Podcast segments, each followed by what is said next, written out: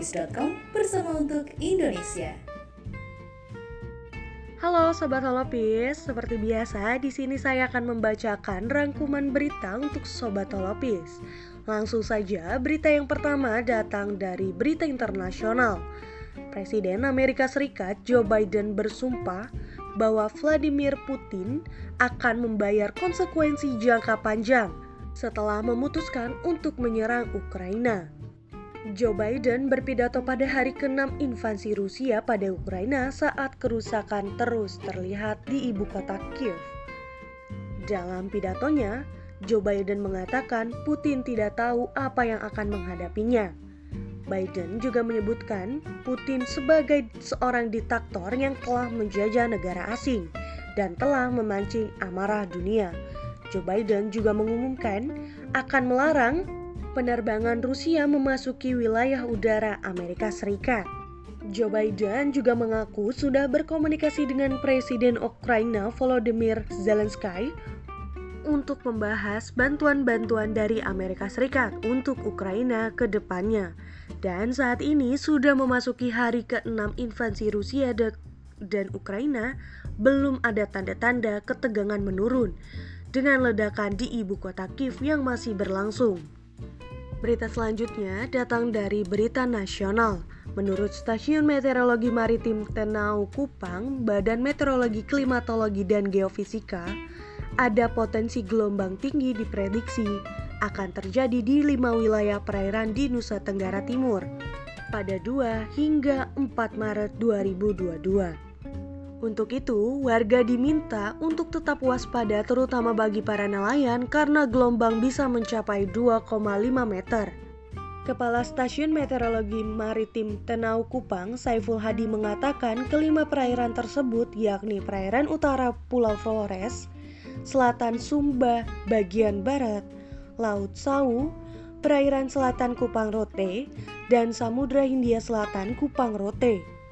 Nelayan pun diminta untuk memerhatikan cuaca di laut saat kecepatan angin mencapai lebih dari 15 knot dan tinggi gelombang di atas 1,25 meter. Sedangkan untuk operator kapal tongkang perlu mewaspadai kecepatan angin lebih dari 16 knot dan tinggi gelombang di atas 1,5 meter. Selain itu juga di Sumat Samudra Hindia Selatan Kupang Sabu juga berpotensi terjadi gelombang tinggi 2,5 meter hingga 3,5 meter. Kapal besar atau kapal persiar yang sedang berlayar di perairan tersebut juga diminta untuk mewaspadai potensi resiko saat terjadi gelombang tinggi. Berita selanjutnya kembali datang dari berita internasional. Puluhan pria Jepang telah menerima seruan Ukraina meminta sukarelawan asing untuk ikut melawan invasi Rusia. Kedutaan Ukraina di Jepang mengatakan bahwa mereka mencari sukarelawan di bidang medis, IT, komunikasi, atau pengalaman pemadam kebakaran. Jepang juga meminta warga negaranya untuk menunda segala rencana ke Ukraina akibat peperangan yang saat ini masih berlangsung. Sebelumnya, Presiden Ukraina Volodymyr telah menyerukan pembentukan pasukan internasional dan mendorong puluhan orang dari Amerika Serikat serta Kanada untuk menjadi sukarelawan di Ukraina. Baik, itu dulu berita-berita yang bisa saya bacakan untuk Sobat Holopis. Jangan lupa untuk selalu baca berita selengkapnya di holopis.com dan jangan lupa untuk selalu jaga kesehatan kalian. Saya Dara Ulia pamit undur diri sampai jumpa. Hobbies.com bersama untuk Indonesia. Halo Sobat Holopis, kembali lagi dalam program Cabi bersama saya, Selvi Anggriani. Kali ini saya akan menginformasikan rangkuman berita yang bisa Sobat Holopis baca selengkapnya di holopis.com. Untuk berita pertama datang dari Presiden Joko Widodo yang mengatakan bahwa pemerintah tengah berupaya untuk melakukan transformasi ekonomi yang bertujuan untuk mengalihkan tumpuan ekonomi nasional dari kegiatan konsumsi ke produksi. Namun, Jokowi mencium adanya potensi ancaman dari asing yang mencoba menggagalkan upaya pemerintah tersebut. Orang nomor satu DRI itu mengungkapkan bahwa transformasi ekonomi berupa program hilirisasi industri dan ekonomi hijau tersebut berpotensi mendapat perlawanan dari perusahaan-perusahaan yang materialnya mengandalkan sumber daya dari Indonesia.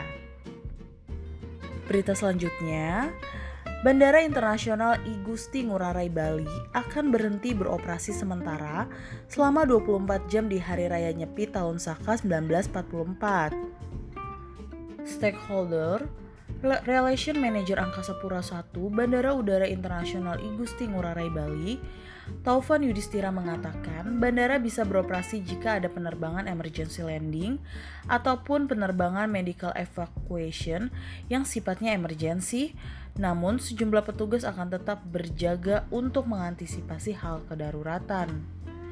Ia mengatakan seluruh lampu penerangan akan dimatikan di Bandara Igusti Ngurah Rai. Namun ada untuk titik tertentu yang terdapat penerangan tapi tidak signifikan. Selanjutnya, operasional di Bandara Igusti Ngurah Rai, Bali akan kembali beroperasi pada Jumat 4 Maret 2022 pukul 07.00 waktu Indonesia Tengah. Berita selanjutnya datang dari Presiden Ukraina Zelensky yang sempat memutuskan untuk tetap berada di Ukraina meskipun negaranya telah diserang oleh Rusia dalam sebuah invasi beringas yang telah menewaskan ratusan orang. Membahas mengenai kemungkinan dialog perdamaian dengan Rusia, Presiden Ukraina Zelensky mengatakan bahwa itu hanya terjadi jika Rusia berhenti menyerang warganya. Menurut Zelensky, pihaknya belum menerima apa yang mereka minta, dan Rusia telah menunjukkan posisinya dengan terus menyerang Kiev. Zelensky menjelaskan saat ini serangan pasukan Ukraina adalah dalam rangka mempertahankan diri untuk menghentikan peperangan. Berita selanjutnya datang dari BWF yang memberikan sanksi larangan berkompetisi bagi atlet Rusia mulai dari Jerman Open 2022. Badminton World Federation resmi menjatuhi sanksi larangan berkompetisi bagi seluruh atlet berkebangsaan Rusia dimulai dari Jerman Open 2022 dari tanggal 8 hingga 13 Maret mendatang. Dilansir dari situs resmi BWF, pernyataan larangan bermain bagi atlet Rusia tersebut telah sesuai dengan rekomendasi Dewan Eksekutif Komite Olimpiade Internasional. Rilis resminya, BWF menyatakan bahwa penangguhan seluruh atlet Rusia itu ada keterkaitannya dengan krisis yang tengah terjadi di Ukraina saat ini. Sebelumnya, Dewan Eksekutif Komite Internasional telah memutuskan untuk melarang seluruh atlet dan ofisial Rusia dan Belarusia di seluruh kompetisi olahraga internasional buntut agresi militer Rusia ke Ukraina. Demikian rangkuman berita dari saya, Selvi Anggriani. Hobbies.com bersama untuk Indonesia.